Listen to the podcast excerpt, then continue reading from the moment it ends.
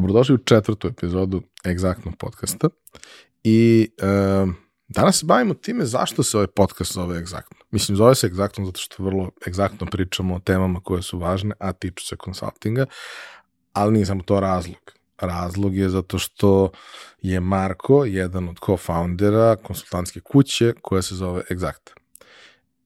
E sad, ima mnogo konsultanata nema baš toliko mnogo konsultantskih kuća, jer e, ljudima je teško se organizuju, mm -hmm.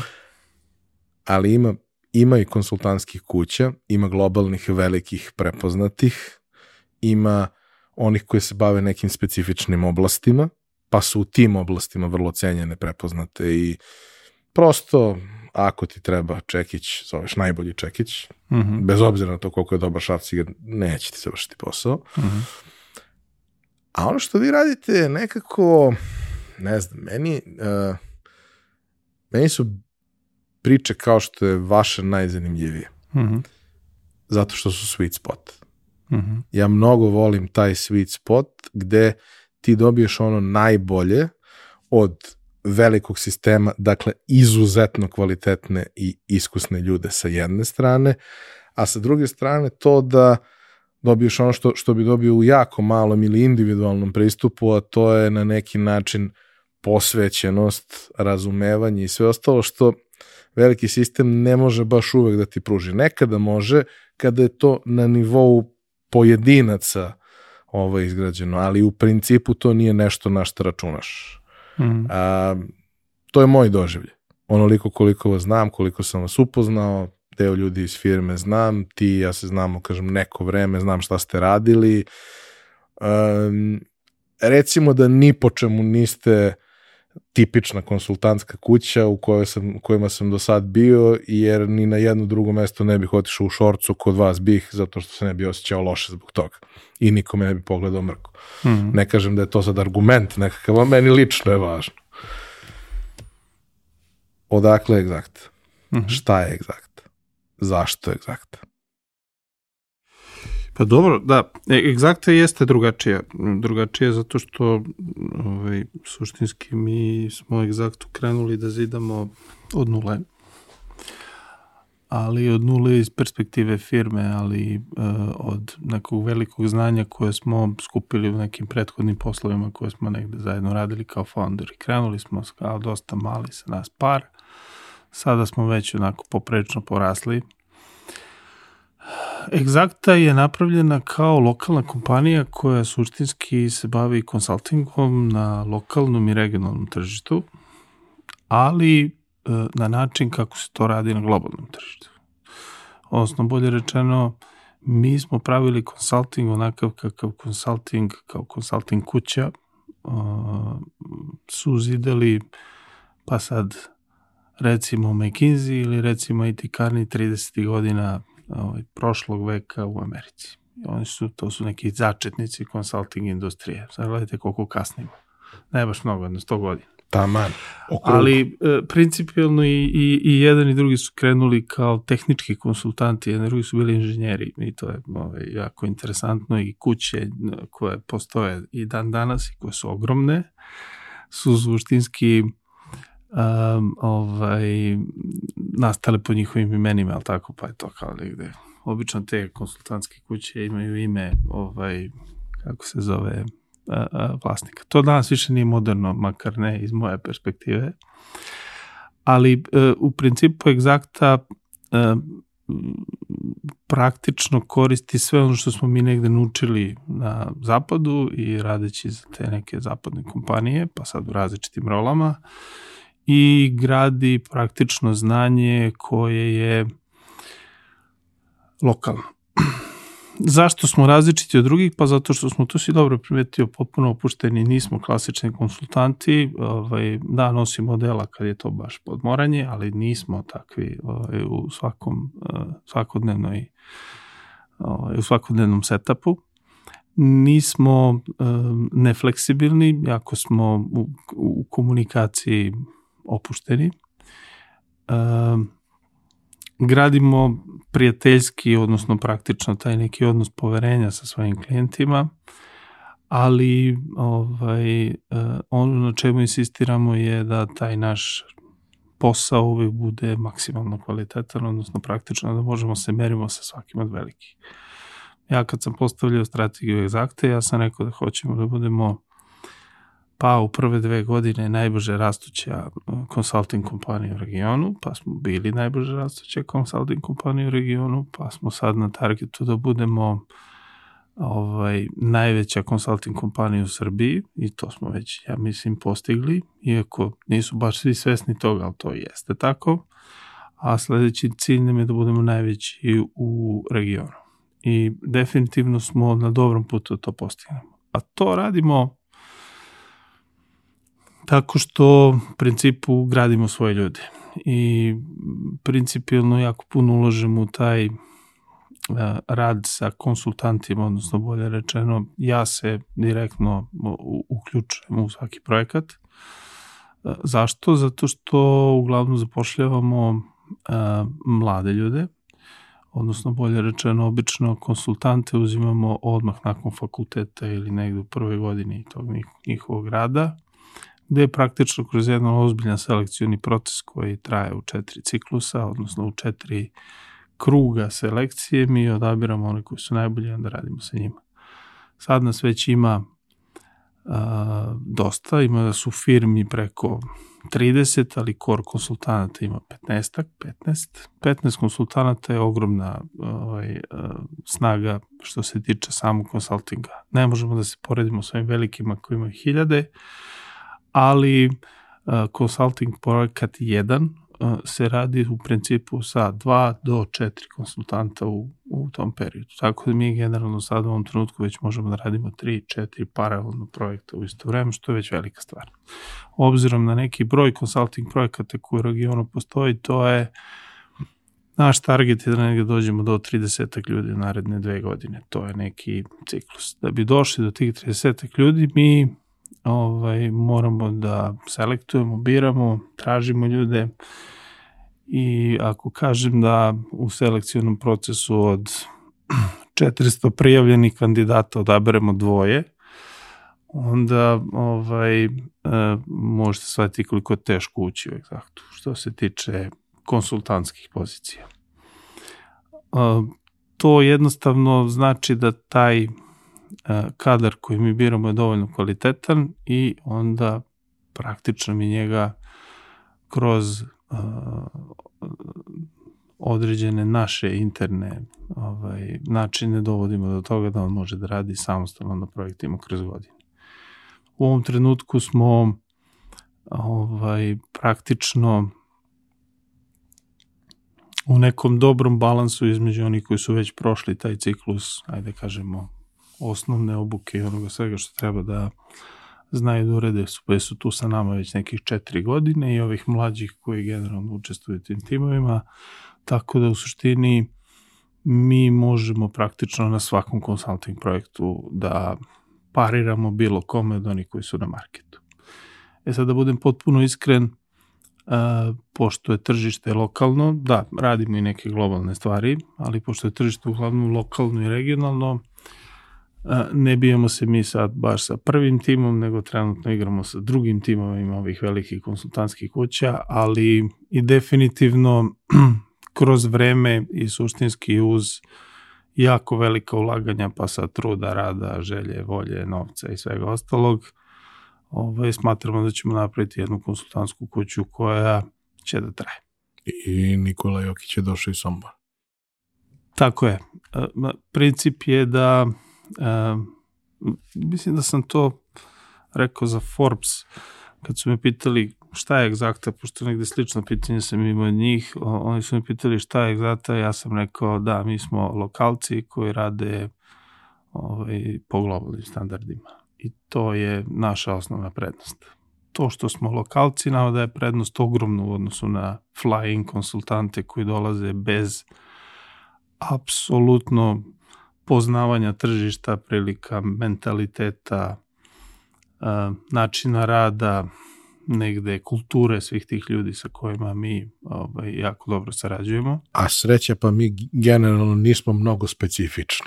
A sreća, pa mi baš nismo mnogo specifični, tako da ovaj tako da to je to je definitivno ovaj, uh, jako se teško oni snađu u, u, u tom. Nije, nije sporno kad je globalna firma, pa onda oni imaju neku vrstu komunikacije koja njima prija, ali kad već dođete od toga da treba mnogo više da rade s lokalcijama, to baš ne ide uvek tako dobro kako, kako su oni zamislili. Ja, ja sam radio za globalnu konsultantsku kuću svuda po svetu i ja sam radio ovaj, dosta u lokalu i definitivno uh, a, od uvijek sam se pitao, ok, super, ovo je neka globalna kuća koja je došla, ja radim za njih, zašto ja sad to, to ne bi napravio ovde sam i ono, trenutka kad je to bilo dovoljno zrelo, tad smo i krenuli da radimo i evo tu smo gde smo.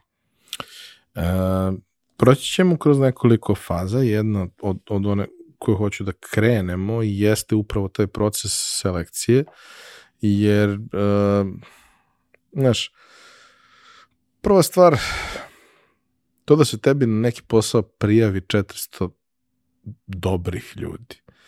Da ti imaš mogućnost da od jako dobrih ljudi biraš dvoje, troje, petoro, jednog najboljih. Prvo to je izuzetna privilegija koju ste sigurno nečim zaslužili. A, a sa druge strane to je izuzetno teško, jeli? Taj, taj proces je teško proći a onda ti ljudi dolaze e, na nulu. Mislim, mm -hmm. ne dolaze na nulu, ali u suštini vi ih i birate takve e, da čim izađu sa fakulteta ili sa nekim minimalnim radnim iskustvom na neki način na sličan, slično razmišljamo s tim što to što vi radite je mnogo kompleksnije i ja, naj, meni je najteži proces da nekog odučim nešto što je naučio pogrešno. Tako je jer je to me fizički boli kad neko moram da objašnjavam zašto je nešto što radi pogrešno, jer mi 30 godina, 20 i nešto godina iskustva govore da to ne treba tako, a mladi ljudi nisu baš voljni da absorbuju nešto tako od nekog ko nije njihova generacija, a i inače. Um, pominjao si u prvoj epizodi kako je tvoj proces selekcije izgledao kada si prvi put radio taj posao pre 300 godina. kako te proces selekcije izgleda danas u vašem slučaju? Jer ti si umeđu vremenu mnogo toga novog naučio, video, čuo i imao prilike da upravo to sve te neke dobre globalne stvari sad uzmeš i lokalizuješ i prilagodiš ih ovome ovde. Da. Pa proces je onako dosta komplikovan i, i stvarno traži jako puno našeg vremena, ali mi to smatramo strateškom stvari, pa onda iz te perspektive jedina vrednost koju konsulting kući ima su ljudi koji njoj rade i znanje koje ona ima. Sve ostalo je potpuno ovaj, bezvredno ako ga gledamo iz perspektive biznisa, ali tako? Ako nema tih ljudi, ako nema mene, ako nema uh, mojih partnera, ta firma suštinski teško da može da funkcioniše na tržištu u bilo koje varijanti. I onda obzirom da je nama jedini aset, odnosno pravi aset su ti ljudi i u njih sve uložimo, onda se jako a, potrudimo da odaberemo one, koje, one koji su najbolji. A, selekcioni proces kreće tim nekim a, klasičnim objavama po različitim mrežama, A, obično to uradimo na svim ovim fakultetima koje smo pominjali u prvoj, ovaj, prvoj emisiji gde mi generalno gledamo da targetiramo neke određene fakultete i struke koje nama ovaj, mogu da prođu kao konsultanti, odnosno mogu da nauče da budu konsultanti, jer imaju početno znanje Nakon tih nekih prijava koje traju određeni period vremena, mi idemo kroz ta neka četiri ciklusa selekcije. Prva selekcija je, naravno, pogledaju se svi CV-evi, oni koji apsolutno tome ne pripadaju ili su pogrešili pa kliknuli pogrešno, da oni otpadaju u prvom ciklusu. To su obično ljudi koji ili nisu adekvatne struke ili eto vidi se da traže posao, ali ne consulting sigurno. Dobro, ima onih što idu i kliknu redom na svaki oglas. Tako je to je ta neka prva selekcija, tu otpadne jedan ovaj, uh, dobar deo. Prva sledeća je Excel, praktično rade Excel test, dobiju test, imaju 24 sata da odgovore na test. Tu popada pa još jedno dve trećine. Jel od te dve trećine ovaj, nekih 50% apsolutno ne otvori taj Excel da probaju da ga ovaj, urade, a ovi drugih pola a, ga uradi, od tih pola koji urade jedna polovina bude kako treba. Najveće laž u CV-u je da poznaješ Excel. Tako je, je tako laž. da ovaj, Excel je prva eliminaciona, ovaj, odnosno druga eliminaciona grupa u prilikom selekcije. Treći nivo je case. Onda oni dobijaju praktično business case. I business case moraju da reše. Zato dobiju 5 do 7 dana. I u okviru tih 5 do 7 dana oni su uh, zaduženi da urade case. Taj case je dovoljno komplikovan i dovoljno jednostavan da mi vidimo neka osnovna razmišljenja koje oni imaju. A to su razmišljenja oko market sizinga, analitike, uh, poznavanja tih nekih osnovnih ekonomskih ovaj, činilaca, odnosno pravila koje moraju da znaju, kako razmišljaju, kako strukturiraju, kako pišu prezentaciju, kako znaju napraviti PowerPoint, koji je opet alat koji mi ovaj, koristimo u, u, u, u svom svakodnevnom radu, PowerPoint osnovni alat. Mm, pričat ćemo i o tome. I onda otpadne još velika količina njih, pošto investirati u neki potencijalno budući posao ako baš ne želiš time da se baviš 5 do 7 dana, jedan dobar deo njih tu odustane. Od tih nekih 400 i kusur koji krenu, u tom zadnjem ciklusu bude tih nekih 50-ak koji odrade case. Sa tih 50 koji odrade case, mi suštinski na osnovu tog case-a odaberemo nekih desetak sa kojima se radi intervju. I taj intervju izgleda tako što ih mi dovedemo u salu, ovaj, u toj sali je e, komisija, da to tako nazovemo, odnosno nas par iskusnih konsultanata, stavimo ga ispred table, kažemo stani, isprezentuj ovaj case i odbrani ga ispred nas. I to bude onako dosta interesantno. Nakon tog prezentovanja, prezentovanje je naravno na engleskom, da mi vidimo i da li čovjek koji radi sa nama zna engleski, ili bez engleskog mi suštinski svoj posao ne možemo da radimo. I na kraju kada je ovaj, ta prezentacija određena, onda idu još neka određena pitanja koje su naše niti griti ovaj, uh, cake koje mi pitamo da bi videli da li su oni dovoljno analitični i da li dovoljno brzo misle. I tu negde taj selekcioni proces bude na 3, 4, 5 koji su potencijalno dobri, Naravno, onda mi sednemo, izrazgovaramo, ovaj, popričamo i onda ide obavezujuća ponuda. Mi to radimo sa zvaničnom obavezujućom ponudom u smislu svih uslova, uključujući i projekciju napredovanja kroz kompaniju po određenim koracima, koliko im treba godina da idu s pozicije na poziciju i koliko im vremena treba da budu na toj poziciji ne bili došli na sledeći korak. Znači, tačno znaju put sve do partnera, I nakon toga suštinski ide ovaj, prihvatanje ili ne prihvatanje ponude i ovaj, potpisivanje ugovora ni kreću da rade. Kad krenu da rade, odmah idu u vatru i odmah ih onboardujemo na projekte u onom segmentu koji naravno oni mogu da odrade, to je taj deo analize. Ono što bih voleo da se dotaknemo pre nego što a, budemo pričali o tome a, zašto je ovaj, vaš PowerPoint bolji od drugog PowerPointa. Mm -hmm. Pošto, jeli, ja istovremeno volim i mrzim PowerPoint, on je jedan od tih alata. A, hoću da se dotaknemo toga što si i ti negde pomenuo kroz svoj intervju i ovde si se dotakao toga kroz case-ove i to je vrlo često u uh, tim takmičenjima u rešavanjima case-ova koje sada imaju na fakultetu, FON je poznat po tome i tako dalje. Ovaj, da je li suština nije u tome da case ima rešenje. Nekad ima. -hmm. Nekad je rešenje egzaktno. Mm -hmm. Ali vrlo često rešenje nije egzaktno i rešenje je daj da ja vidim misaoni proces. Daj da ja vidim šta ja od tebe mogu da dobijem. Vrlo često postoji neka ograničenja koja su e, nemaš 7 dana da ovo rešiš. Imaš 15 minuta da ovo pročitaš, imaš 15 minuta da mi kažeš 10 stvari koje bi pokušao Nebitno je da li će bilo koji od njih da radi, meni samo treba 10 stvari od tebe da vidim da si ti sposoban da o jednoj temi koja nije bazična, imaš deset pogleda i deset vrsta uglova kako možeš da je napadneš. Mm -hmm. Ja to tako doživljavam. Sad, uglavnom ljudi sa kojima sam ja radio hiring, nisam imao potrebu za takvim stvarima.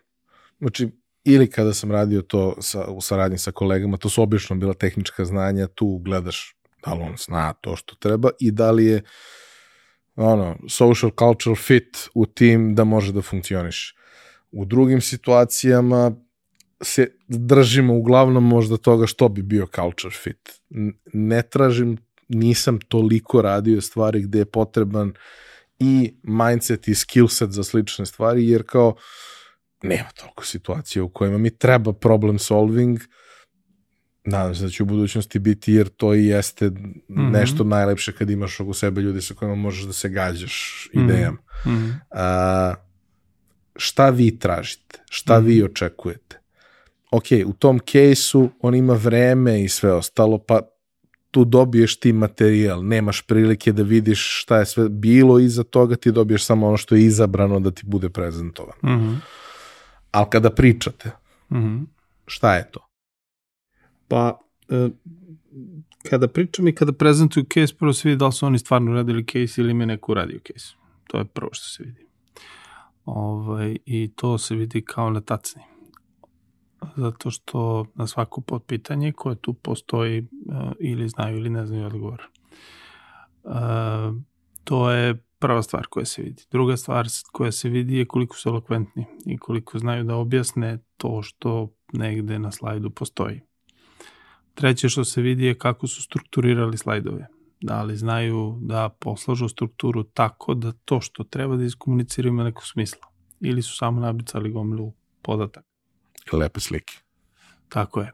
E, četvrto što se vidi, vidi se e, e, suštinski koliko su spremni da se bore za to što žele da rade, a to je consulting. Jer oni obično se ta energija koja tu pokažu na toj prezentaciji je jako vidljiva, ona se baš vidi kod oni koji se baš potrude da to urade kako treba. A onda tražimo i još neke stvari kroz ta dodatna pitanja. To je da li umeju da razumeju kako se radi analiza, da li znaju kako se prikupljaju podaci, da li znaju, ne znam, tipično pitanje je, imate ovu sobu, mislim jedno od pitanja, imate ovu sobu, koliko može naranđe da stane u ovu sobu.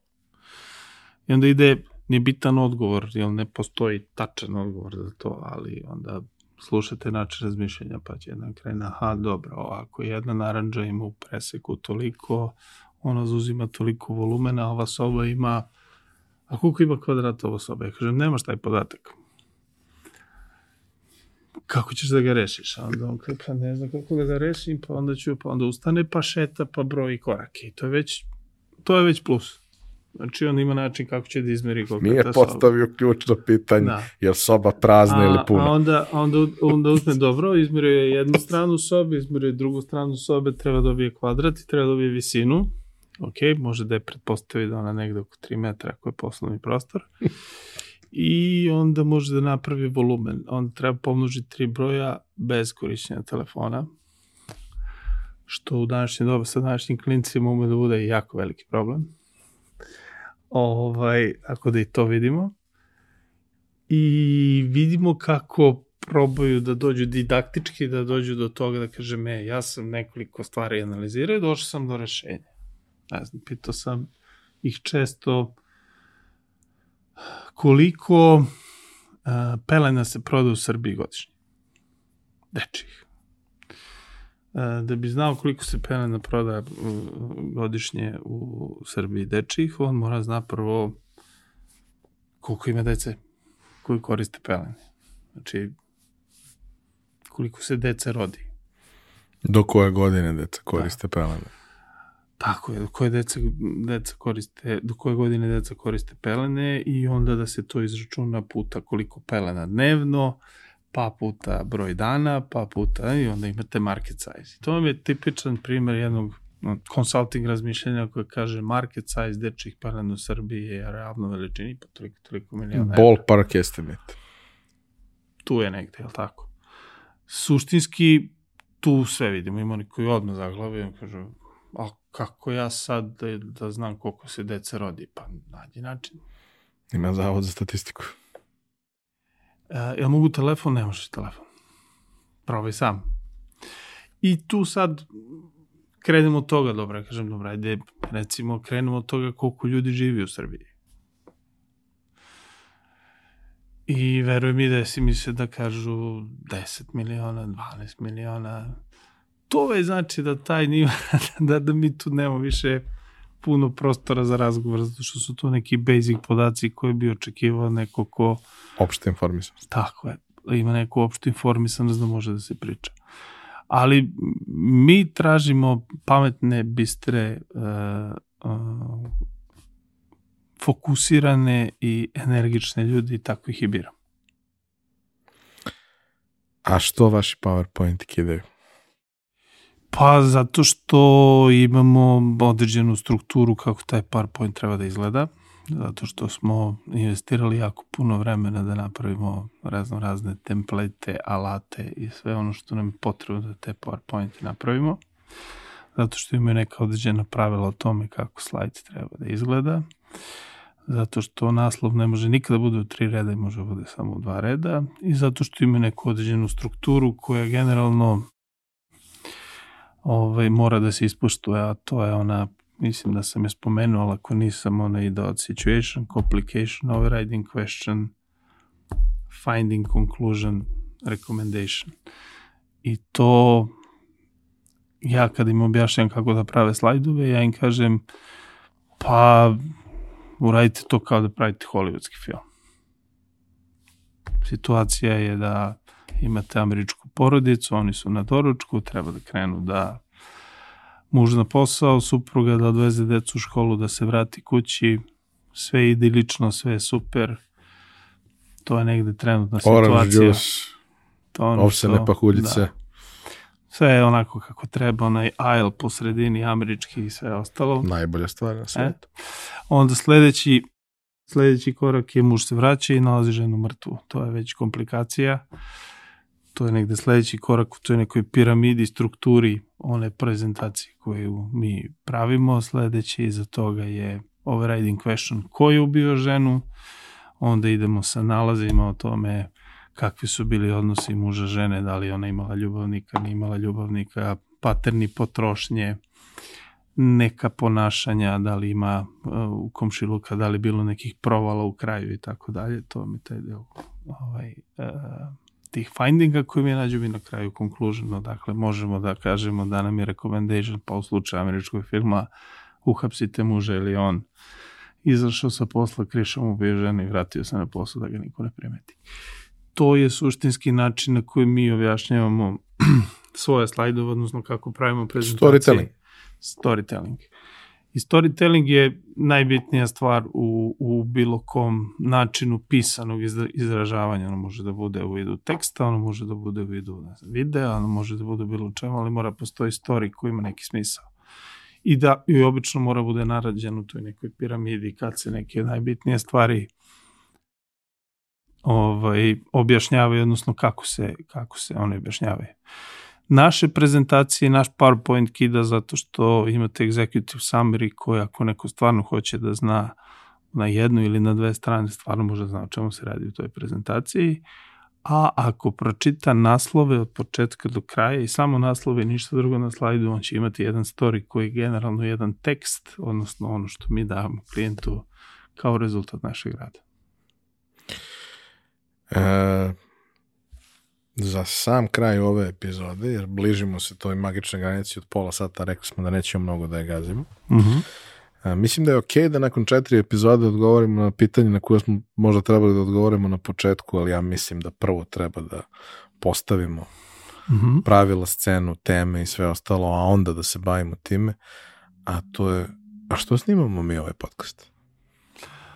Pa mi ovaj podcast snimamo da malo dodatno objasnimo ljudima šta je u stvari consulting, to je broj jedan. Drugo, prvo ja volim s tom da pričam, to mi je onako, ovaj, to je pravi razlog zašto snimamo podcast.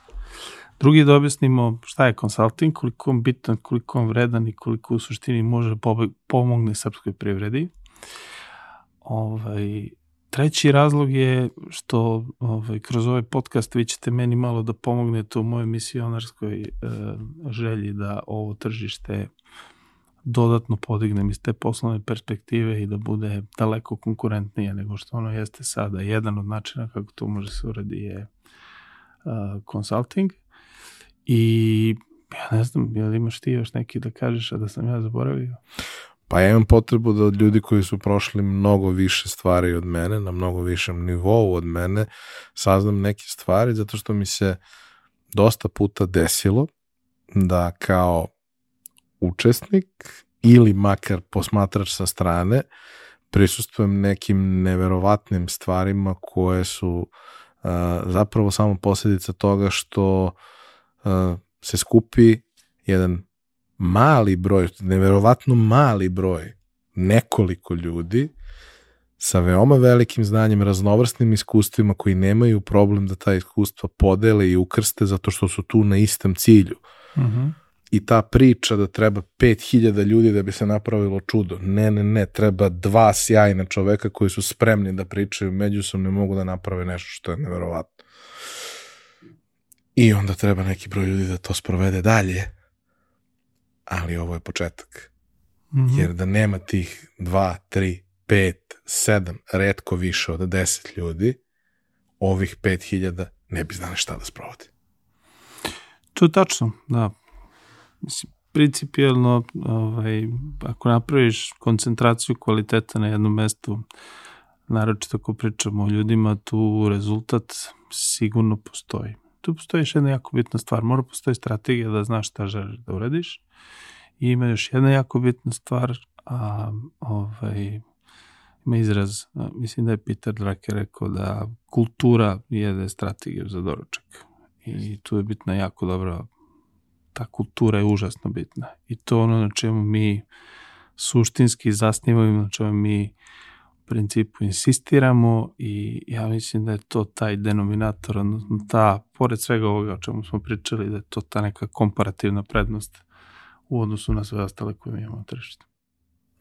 Hvala ti. Završili smo prve četiri, da. ali tek smo počeli. Dogovoreno. Imaćemo ih još nekoliko u kojima ćemo ti i ja da pričamo o nekim stvarima. Može. Jer imamo još dosta tema koje treba da prođemo ne bismo li sada to, taj plac koji smo postavili mm -hmm. ipak malo prisredili pre nego što dovedemo druge ljude, ali kao i za prethodne epizode, mada vam to nisam rekao, ostavite neke komentare, pitanja, predloge, ostavite teme koje vas zanimaju i o kojima biste želeli da pričamo na YouTube-u i mi ćemo se potruditi da i njih obradimo. Hvala vam, vidimo se naredne nedelje.